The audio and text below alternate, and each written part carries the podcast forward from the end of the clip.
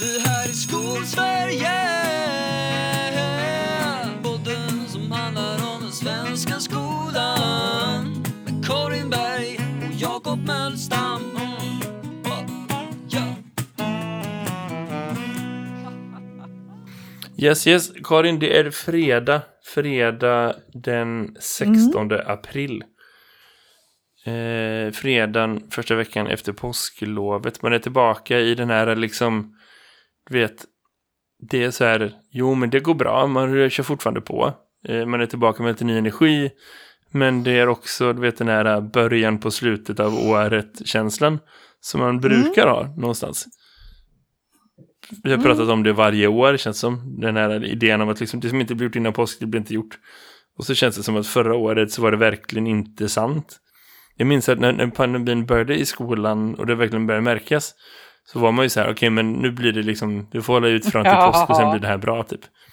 Och nu är man liksom framme vid påskåret efter. Och det är, det är, jag vet inte, man ser väl ett ljus teoretiskt sett i tunneln någonstans längre fram.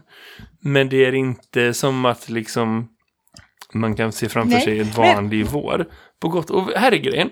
Vi har hittat en takt ändå är på gott och ont. För jag tror att vi, den här eh, sträckan från påsklovet fram till sommaren kommer bli mer effektiv och mer bättre och mer på än vad den har varit liksom vet, vanliga eh, år. För att vi har hittat en lunk, en vardagslunk som inte rubbas av helgdagar eller ledigheter eller liksom att saker går upp och ner eller att saker blir bättre och sämre utan det bara är vad det är. Och det gör också att vi bara kommer så här mala på. Och rätt för det så kommer det vara midsommar och man kommer vara så här, va? Är, är det sommar nu?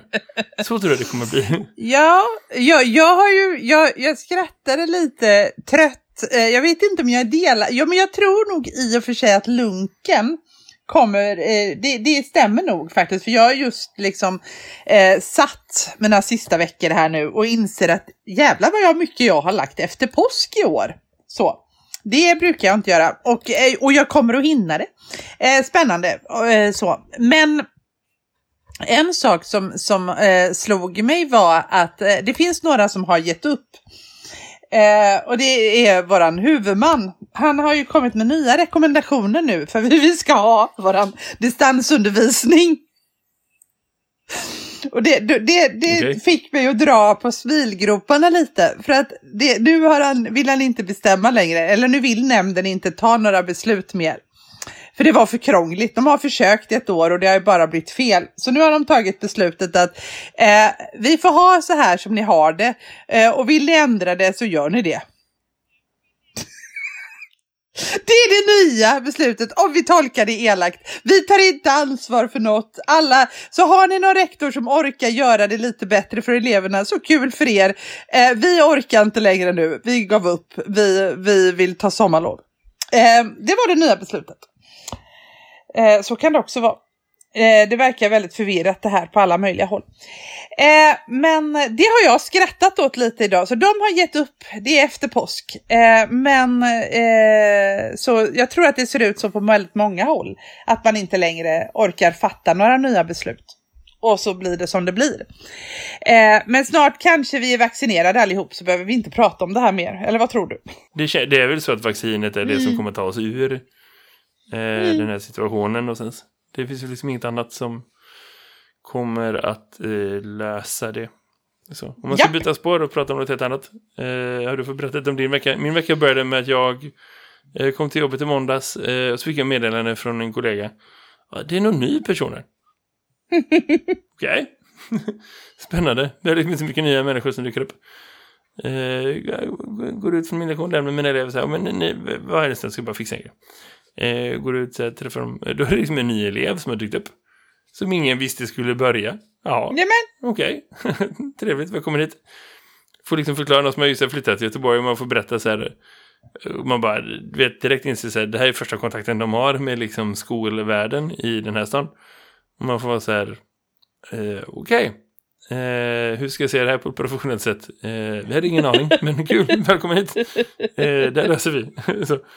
Och så började jag förklara för den här föräldern bara, men du vet, så här, stor stad, stor administration, det är lite svårt och man verkar liksom tappa bort någonting på vägen. Men, men det är ingen fara, vi fixar det här. Eh, så hon, de hade fått besked för tre veckor sedan att de skulle börja hos oss idag, eh, den dagen. Man bara, okej, eh, japp. Eh, och det har blivit superbra. Men man blir sådär, eh, man, man blir aldrig liksom upphörs över, förvånas över vad som kan hända i en skola och i en skolvärld. Att det liksom bara är plötsligt är en dill. Man bara, ja, Ja. visst, absolut. Det finns liksom inte spår av någon överlämning eller någon bakgrundsinformation. Utan man får så här, lära känna, gå och prata lite och så strategiskt bara, men jag sätter mig nog här och käkar lite lunch med de här personerna idag. Kommer på att så här, jaha, okej, men det är de här språken du pratar, häftigt, eh, intressant. Hur länge, eh, vad gick du förut? Ah, jag vet inte vad den skolan hette. Nej, okej. eh, börjar prata lite om, om liksom, ja men så här, man tar det från början typ. Ja, Det, ja, det var en erfarenhet i sig. Mm. Eh, så.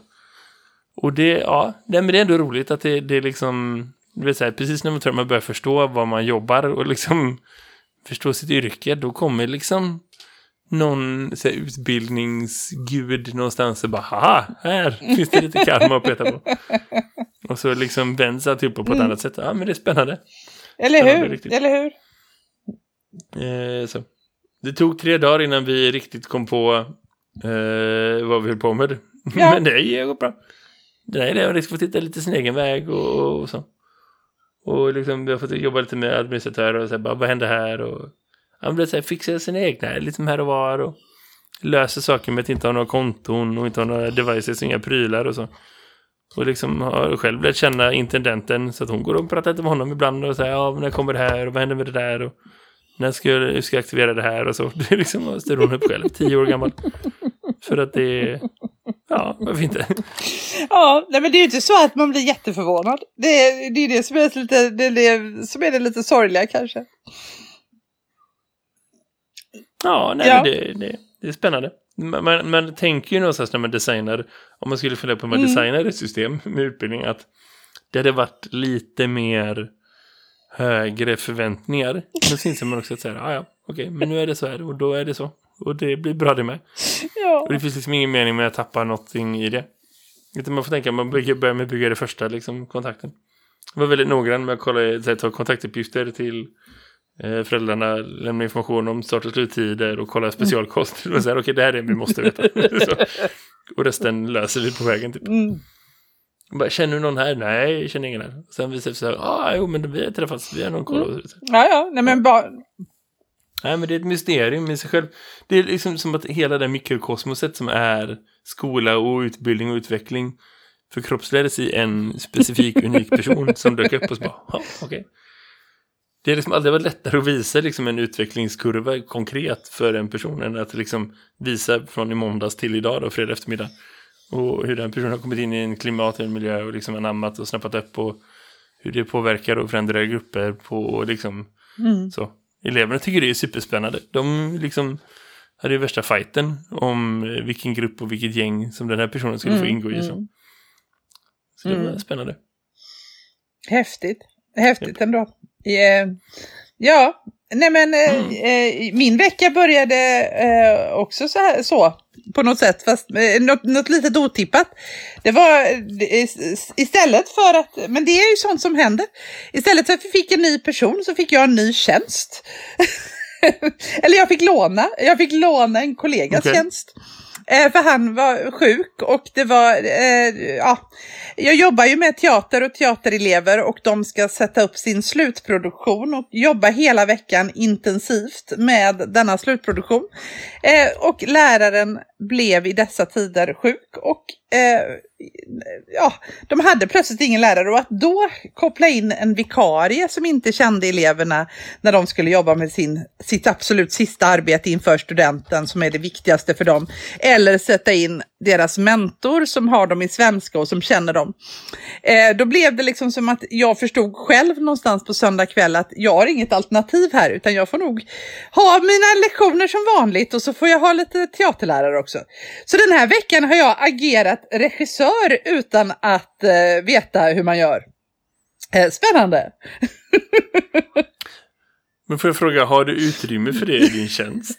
Eller vad, hur funkar det? Liksom, vad har du tagit bort Ja. för att ha tid med det? Nej, för det första, ja det är magi. För det, Det är första är jag ju väldigt, väldigt trött Mm. idag. Eh, så att eh, nej, jag har väl egentligen inte utrymme för det. Och det, vi har ju jobbat fram till åtta på kvällen, så att eh, på det sättet så har jag väl inte riktigt haft utrymme till det. Det är den ena delen och den andra delen är ju att eh, för att de ska kunna ha de här intensivveckorna så plockas ju mina lektioner med dem bort. Jag har ju inte svenska med dem nu. Så, och jag har dem i svenska, religion och gymnasiearbete. Ja, ja, ja. Så att eh, jag har ju jobbat in den tiden. Jag har ju längre lektioner i vanliga fall med dem. Eh, så de här försvinner. Så att på det sättet så, så var det ju min, ja, eh, ja mitt, eh, mitt efterarbetestid egentligen som försvann. Så jag får ju en, ett antal timmar övertid naturligtvis. Men eh, det får vi ju ta på något konto någonstans sen. Eh, Men det är så det går till. Men eh, eh, jag, jag har kommit på den bästa regimetoden i alla fall. Som man kan utöva om man inte kan regissera. Vill du veta vad det är? Och vara teaterlärare. Jag- Jag kommit på hur man gör då. Ja, Eh, man ser till att det finns eh, mat. och fika. Eh, jag, eh, vi skulle köra två genomdrag. Eh, första genomdraget det var lite ofokuserat. Eh, eh, saker låg inte där de skulle, de var snurriga. Hela eh, föreställningen blev inte som den skulle alls. Sen så hade jag ringt några nummer. Det kom värsta fikabordet med både godis och kakor och smörgåsar. De åt, vi hade 40 minuters paus och sen spelade de sin två timmars föreställning igen. Otroligt mycket bättre. Jag kände, ja, vad bra jag är. Det var, det var min insats den dagen. Jag var oerhört nöjd. Så att, eh, jag tänker att kreativitet kräver mat. Det är min slutsats efter den här. jag, jag funderar på om det går att extrapolera till liksom andra delar av Mm. det vi håller på med.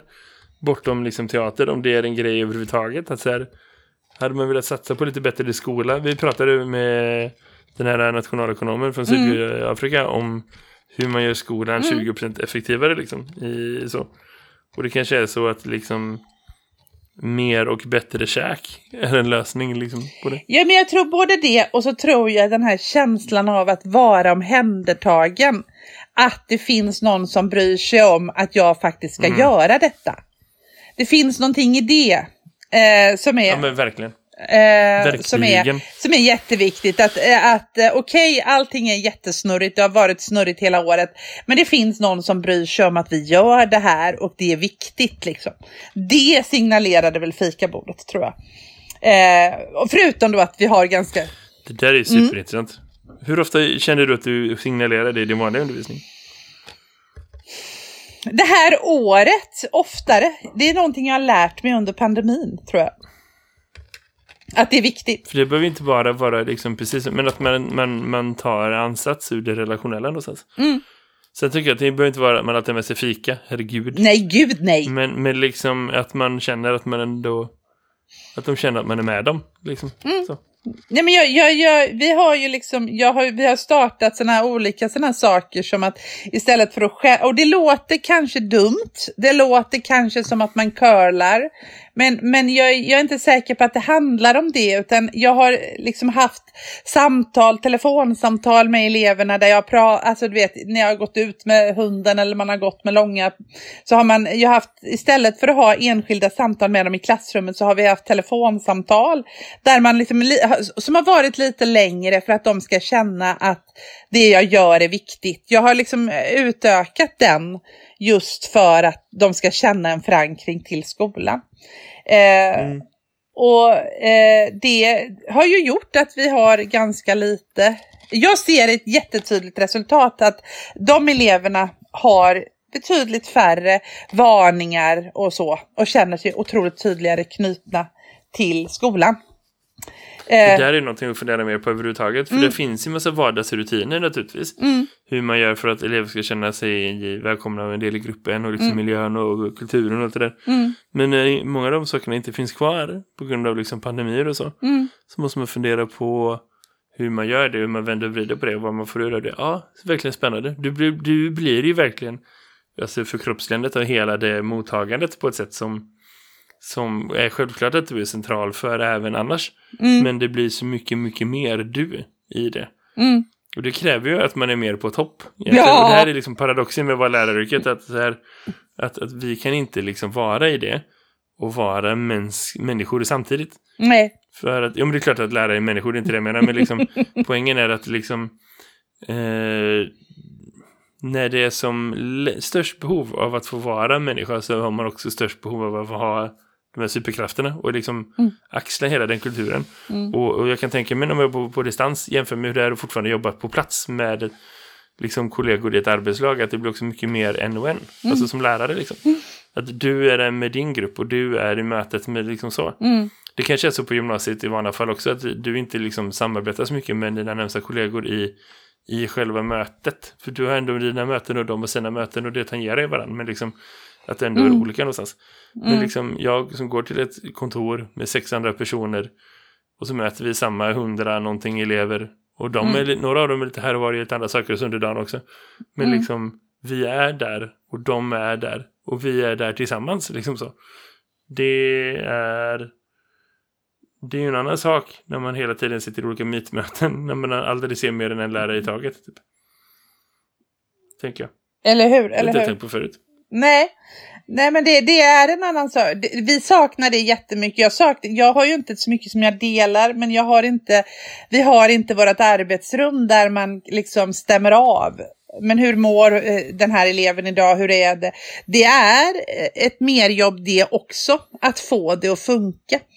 Eh, när Det man där är ju superspännande. Mm. Tänk om det är så att det, det, det, det som kommer ur är, den här pandemin är en förståelse för att liksom eh, relationer är viktigare även i den andra halvan av utbildningsstegen om man säger så. Mm. För någonstans så finns det ju tror jag en historisk förståelse av att liksom yngre elever behöver en närmare kontakt och en mer liksom omvårdande om, liksom vad säger man, så här, mer omsorg och ju äldre man är desto mer självständig är man. Mm. Det finns ju en progression i det som kommer liksom med att de blir längre och liksom mer vuxna, att man liksom inte är så himla social med liksom allt som finns i huvudet just där och då. Mm. Och det är ju sant, en del av det. Jag hade en elev som kom fram till mig i morse eh, när jag skulle samla ihop dem för att liksom starta igång skoldagen.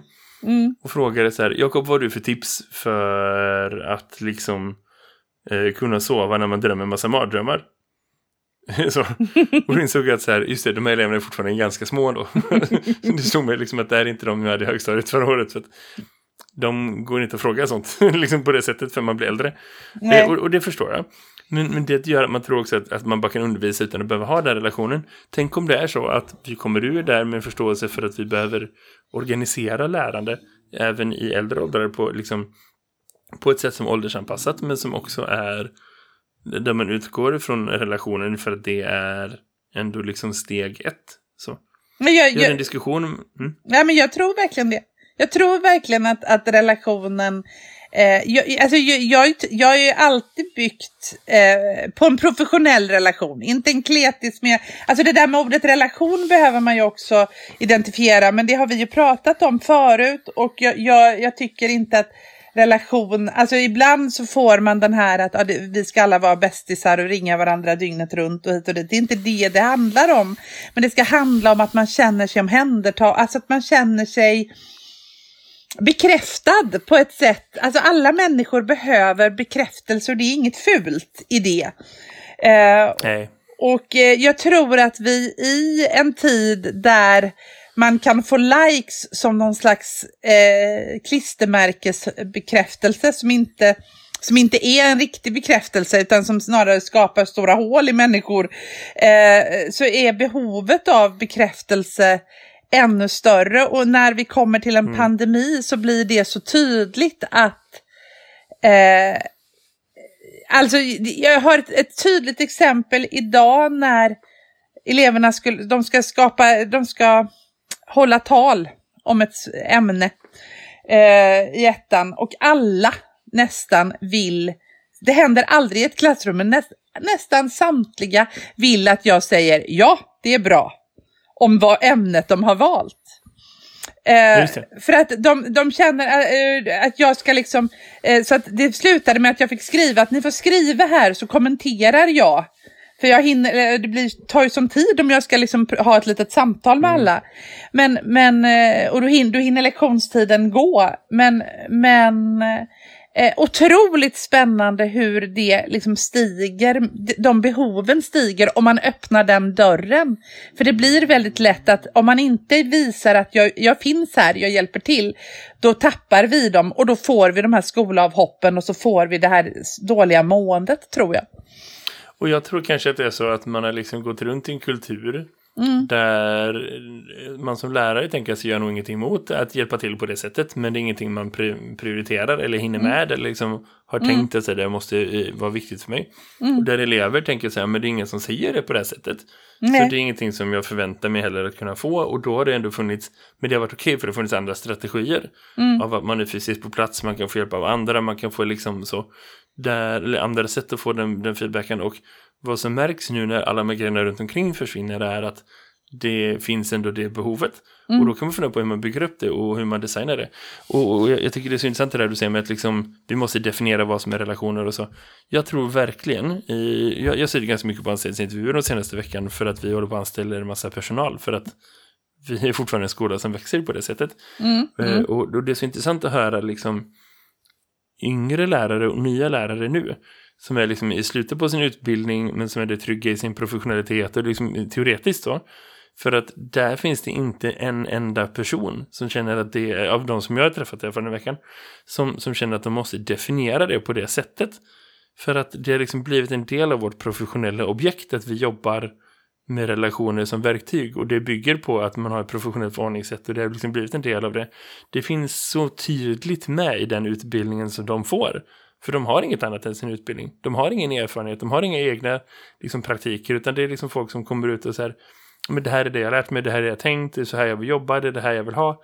Och om det är liksom allt från jag vill kunna ha ett klimat där vi diskuterar och debatterar för att jag är SO-lärare eller till att liksom kunna prata om litteratur eller vad det är. Alltså man har ju liksom sin ämnesnisch i dem för de som är ämneslärare och olika åldrar och olika variationer men det är så tydligt att de enda som liksom närmar sig den diskussionen det är folk som jag känner som har varit lärare länge. Mm. Som, som man får prata med liksom för att vi har inte haft med oss det i vår utbildning in i det. Och jag tänker det är så intressant för att om det kommer ut folk som är utbildade som är mer på banan än vad man själv var i alla fall när man var liksom ny i yrket så. Just på den punkten. Gudarna ska veta att man kan inte säga det generellt om alla lärare. Alltså vi ska inte liksom dra sådana generaliseringar. Men liksom just i den biten så har jag ändå den känslan av att så här, jag tror att det ingår mer och mer. Eh, och så kan man också fundera på liksom den här diskussionen. Jag hade en diskussion med några kollegor häromdagen. Och med, med några lärare liksom, även från andra ställen och så. Kring mentorskap och mentors, antal mentorselever och liksom vilka som passar bra för det och liksom vad som behövs av en mentor i olika åldrar och liksom nu jobbar jag på en skola från, från förskoleklass upp till årskurs 9 och liksom att vara mentor kan inte vara samma sak i, genom hela den processen. I, upp till en viss ålder så behöver du ha en mentor, det kan inte vara vem som helst. Det kan inte vara idrottsläraren som du träffar två gånger i veckan. Det kan inte vara musikläraren som du träffar 45 minuter i veckan. Den personen har inte det organisatoriska förutsättningen att vara mentor för någon som är yngre. Kanske att de har det för någon som är äldre. För man behöver inte liksom ha samma liksom... Eh, ja, men så här, jag skulle inte vilja vara mentor för elever i den åldern som jag undervisar i nu. Om inte jag var i deras ungefärliga fysiska närhet varje dag. Mm. Jag behöver inte liksom ha dem från 8 till 2, min egen grupp, absolut inte. Men jag måste vara så att de kan komma och hämta mig, de kan komma och träffa mig, för de kommer inte komma ihåg att just det på torsdag måste jag nämna det här för min mentor.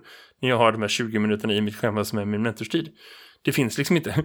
Nej. Eh, och, men, men med äldre ålder så kommer det ju mer och mer så. Och, och vad man kan fundera på i den organisatoriska liksom, designen av det är ju att då skulle man kunna vara fler vuxna som delade på mentorskapet för de äldre. Vilket gör att vi skulle kunna skapa mentorsgrupper som är mindre. Och, och när jag pratar med folk som är högstadielärare så är det alltid de som har störst problem med liksom hur många utvecklingssamtal de måste ha, hur många mentorslever de måste ha.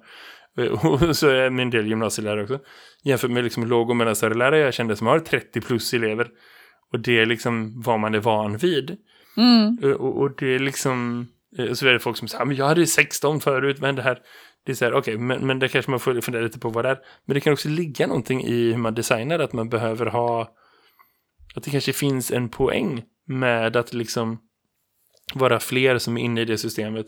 Men att man har mindre sammanhang, mindre grupper när de är lite äldre. För att liksom möta upp för de unika behoven som finns då. Är du med? Mm, Det, kan ja. finnas en, det kanske inte är så att de minsta mentorsgrupperna behöver vara bland de yngsta eleverna. Tvärtom. Det kanske är så att liksom, det är bättre att man har större sammanhang för att få ingå i en större grupp. Men att du också har en person som är där hela tiden. Mm. Och att man kanske inte möter 17 olika lärare. Utan att det kanske är liksom bättre ett mindre sammanhang av liksom vilka som man är nära runt omkring. Mm. Det är en grej som jag gått och funderat jättemycket på i olika samtal den senaste som hänger ihop lite med det vi pratar om nu. Nej, men jag håller med dig om det och jag tror ju att, att eh, men samtidigt så är det ju så att, att, att har du en grupp som du har mycket, då blir mentorskapet också lättare. Om jag har, eh, alltså de gånger jag har varit mentor och jag har haft dem i två eller tre ämnen, då, blir, då går det så mycket, mycket lättare för då vet jag vad som händer under veckan.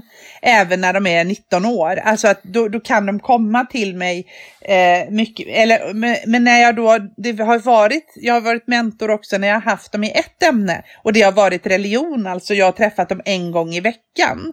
Då är det svintufft att vara mentor för att den här mentors, alltså den här lektionen som jag har med dem är så fullpackad med stoff och saker vi ska göra. Och eh, eh min, eh, vilket gör att jag har bara den där 30 minuters eller 20 minuters mentorstiden att spela på. Och då hinner man ingenting. Alltså, eh, du kan ju bygga saker, du kan ta hand om saker efter och under lektioner om du har mer tid med dem i lektionstid. Så att det bygger lite på att du faktiskt har dem i undervisning för att kompensera för den tiden som du faktiskt, alltså mentorskapet är ju underdimensionerat i tid. Eh, när man, alltså de här 20 minuterna, du lägger ju mer tid än de schemalagda 20 minuterna som finns på schemat. Eller hur mycket tid man nu har. Det, det är ju verkligen en sak Ja. som går att fundera på. Vi har brutalt mycket mer än 20 minuter schemalagt. Men jag förstår poängen med, med, med vad du säger.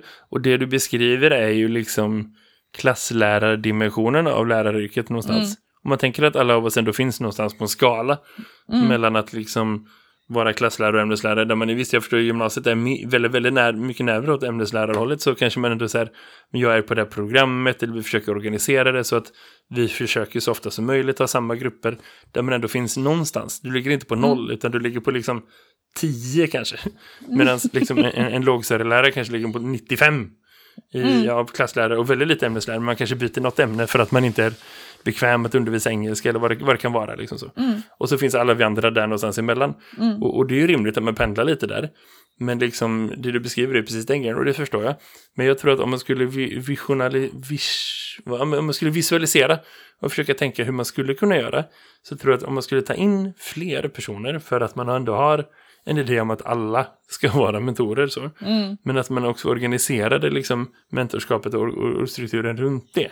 Så att man också hade kanske, ja men liksom, jag tänker att det finns, det, får ju konsekvenser för hur många personer man har. Och, och, och det i sig får konsekvenser för när, om man nu skulle fundera på hur man designar liksom uppdraget och ansvaret. Eh, Om man tänker att liksom det som du gör nu, när ni inte ses fysiskt på plats eller när man inte har liksom vanlig undervisning, innebär att man måste hitta andra vägar att förebygga de här skolavhoppen. Och så funderar man på så här, vad är det som funkar och inte. Då kanske det är så att, att ha 20 minuter varje torsdag efter lunch, eller att om det är 60 minuter eller på fredag eftermiddag eller vad det är, liksom kanske inte är så vi ska närma oss mentorskap överhuvudtaget. Utan det Nej. kanske är så att man måste verkligen fundera från början, vad är mentorskapets roll? Och så. Men om man, om man gjorde det på ett sätt som var organiserat så att det inte blir att ju äldre du är desto mindre behöver du. Så, så kanske man liksom, om man skulle göra upp med det liksom antagandet Ja, och utgå från att det stämmer inte. eller hur? Utan, utan liksom, man behöver annat. Eh, Så, Ja. så, så kan det vara ett sätt att närma sig, ja fan spännande, det skulle man vilja rota mer i. Jag skulle vilja Ja. prata med någon som kan något om det. För jag känner att jag har bara idéer, men inga, inga svar just nu. Nej men jag tror absolut det och jag tror absolut att vi, vi kommer att komma i, eh, Ja, det, alltså det, det är komplext och man, man, man, jag, jag tycker jag ser det även i, i vuxenvärlden att, att vi vill också vad, bli bekräftade, vi vill också veta att har jag tänkt rätt nu? Det blir eh, allt det här, alltså alla de här relationerna vi bygger på jobbet, det är ju därför det är så svårt att jobba hemifrån också för att du inte kan stämma av, du måste ringa någon för att liksom få funka den här uppgiften egentligen och så vidare. Så man känner sig ganska ensam. Så att, ja, Herregud, vi kan prata länge om det. Eh, men jag tänker vi ska byta ämne, eller hur Jakob? Japp, det är dags.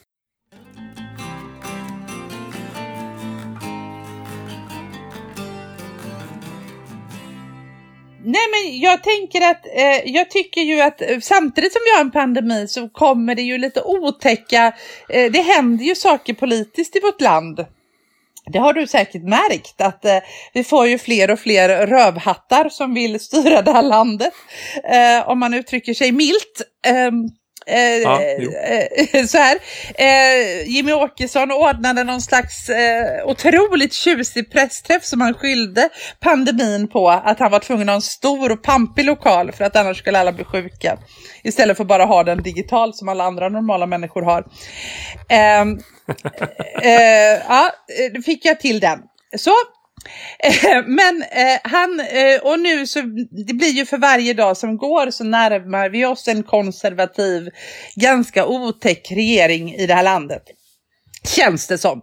Och jag eh, tycker verkligen inte om det. Men så, eh, så tänker jag att jag, jag skulle vilja bara ta upp det att eh, det som de här partierna närmar sig. För att det, vi har ju ett land som är ganska nära oss. Som har en ganska så, eh, alltså har inslag av den här höger eh, populismen i sitt system och som har liksom vant sig vid det.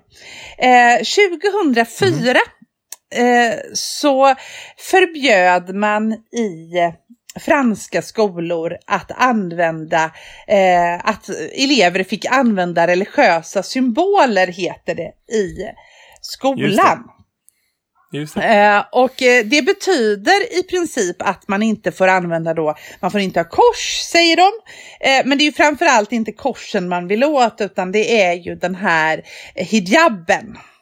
Eh, alltså man ska eh, inte få bära hijab, eh, alltså sjal, eh, i skolans lokaler, men man, eh, utan man ska liksom inte Eh, man, alla får ha det, alla har hittills fått ha det eh, utanför eh, skolan. Men så fort man kliver in innanför skolans dörrar så har det då varit förbjudet. Eh, och det har man då sagt att skolan ska inte vara en manifestation för eh, religiösa symboler har man sagt. Eh, Vänta, får jag bara fråga dig så jag verkligen förstår den grejen. Är det specifikt när man går inomhus på skolor eller är det liksom på skolans område? på skolans område.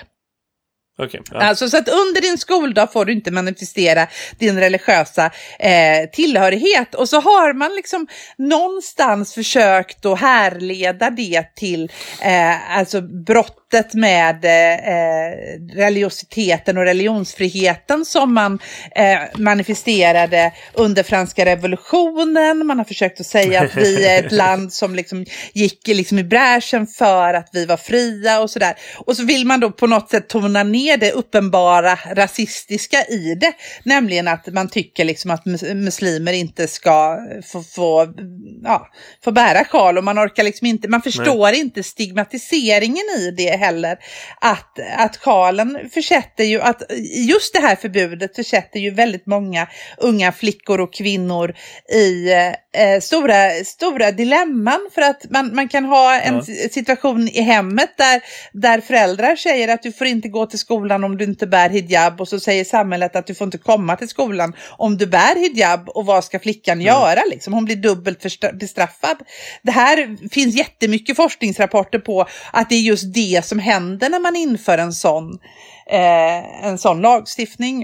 Eh, och det finns liksom ingenting som säger att det här hjälper någon att komma, utan snarare är det här också i förlängningen en, en ett, alltså just det här att man vill kontrollera hur kvinnan ser ut och vad kvinnan har på sig.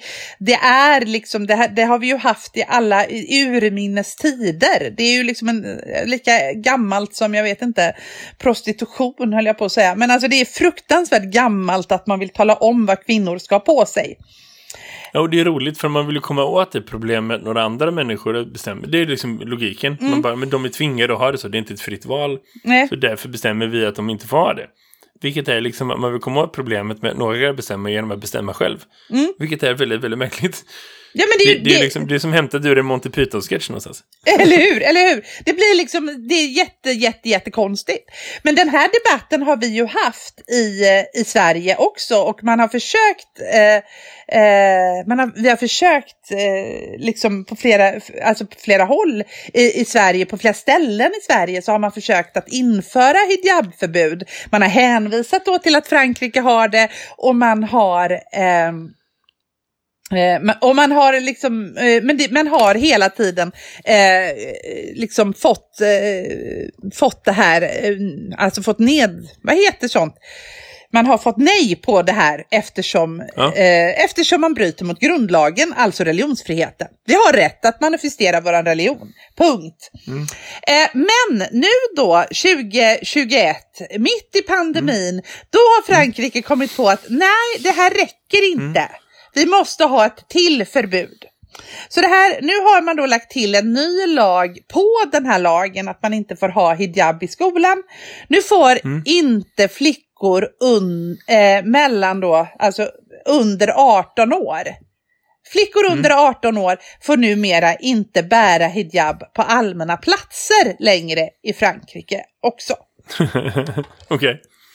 Så nu ska de, nu får man inte gå ut, nu får man, alltså nu måste de ta av sig, nu bestämmer plötsligt farbror staten i Frankrike att eh, tjejer ska, hur de ska gå klädda. De har inte Men längre, jag fattar inte, är det, vad är straffet? Vad är konsekvensen? ja det är väl någon slags att po- polisen kommer och drar av dig hijaben eller något, jag vet inte, böter kanske. Det är helt rubbat. Eh, Det burk- är helt ja men rubbat. det är helt Det så. Ja, och det på något sätt är, men jag tycker att det som är otäckt tycker jag är att Frankrike ligger inte så himla långt ifrån eh, vårat, eh, oss som land. Och det är ganska otäckt i att vi har de här högervindarna i Sverige. Och att vi någonstans, man gör ju det här för att man säger att man vill värna flickorna. Igen, precis som du säger, genom att då tala om hur de ska se ut. För att det här är någon slags kvinnoförtryck, säger man. Eh, Istället för att liksom titta på fakta, nämligen det att, att jättemånga kvinnor eh, i Europa sätter på sig hijaben för att, att man vill visa att man är muslim, för att faktiskt hedra sitt ursprung. En hijab som deras mamma inte har burit. Det finns jättemånga sådana exempel. Eh, men vi ska ju ge, ge fan i att tala om vad folk ska ha på sig i ett liberalt land. Ja, för mig går det inte ihop. Eh, man måste väl få bestämma själv. Um, men jag är lite rädd att vi kommer till det, kommer att ha det så i Sverige och jag är lite rädd att jag ska bli den där som ska att jag ska bli läraren som ska behöva be mina elever att ta av sig sin hijab. Men jag tänker så här, att det där är... alltså, om, om man ska tänka liksom hela den där kepsdebattgrejen, som absolut inte är samma sak, men, men som ändå rör sig i samma härad, i av så här, vad är det som lärare har att bestämma över och inte och så. Mm, mm. Det, det, mest effektiva argumentet, det som ändå gör att jag tror, om, i den utsträckning som den är avgjord, att den ändå avgjord så att så här, men vi skiter i det. Det är liksom inte en grej. Det är ju någonstans att så här, vi har bättre saker för oss. Vi har bättre fighter att ta i klassrum. Mm. Man orkar inte ta det, man står inte för det.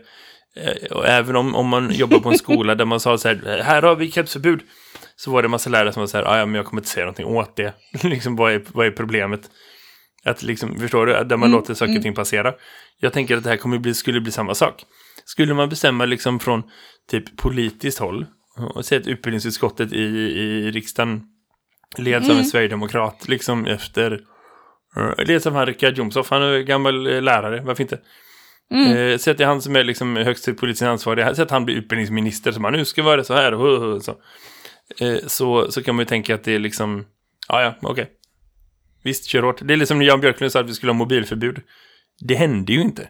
Nej, men vi, men, men, men vi det är Men, men, men även om man skulle införa regler som säger att vi måste undervisa på det sättet, Mm. vi måste prata om det sättet, vi ska liksom, åh, vi ska ha läroplaner, vi måste alltså... Jag, jag förstår den känslan av så här, är, är man okej med det? Vi har ändå gått igenom liksom förändringar av, av vårt liksom moraliska uppdrag, för att det är ju inte alltid superkonkret definierat. Så jag förstår poängen med att liksom, man kan bli orolig för det och man kan tänka sig vad är grejen i det. Och det är klart att vi ska stå upp för ett samhälle som är fritt från liksom eh, förföljelse av alla människor oavsett vad. Och det är det det handlar om. Att vi liksom håller på och institutionaliserar förföljelse av människor som väljer att vara på ett sätt. Oavsett om det är religion eller politik eller vad det är. Och det är så här, nej, sånt håller vi inte på med. det har vi bestämt oss för ganska länge sedan att vi inte håller på med. Och vi har massa, massa exempel som ligger alldeles för nära i, tillbaka i tiden och i historia. Där Sverige absolut inte varit det landet vi vill vara. I, i, i, när det kommer till sakpolitik, av allt om hur man behandlar minoriteter av alla olika kategorier. Men liksom, eh, det, det gör oss inte rätt att bli så mer. Eh, så. Rätt mig om jag fel med, det, det som jag tror att man har fått avslag på det här, det är väl för att det visar sig att det är olagligt i liksom grundlagar. Och det finns ett ganska bra skrivet liksom grundlagsskydd för att säga nej. Så där får man inte hålla på och inte bestämma. Annat än i, nu vet inte jag det, jag har inte läst, kollat upp det, så det är lite så här killgissningsfaktor, men är det inte typ så här folk som har sökt, sökt jobb som förskollärare och liksom fritidspedagoger och så. Där det inte handlar om hijaben utan det handlar om de här andra. Jag kan Nick- inte alla namnen och begreppen. Men det har ändå funnits liksom, ja men precis, där man har bestämt sig för att där finns det eh, en viss grund för arbetsgivare att vara så här, nej, men det här är inte rimligt. Liksom så.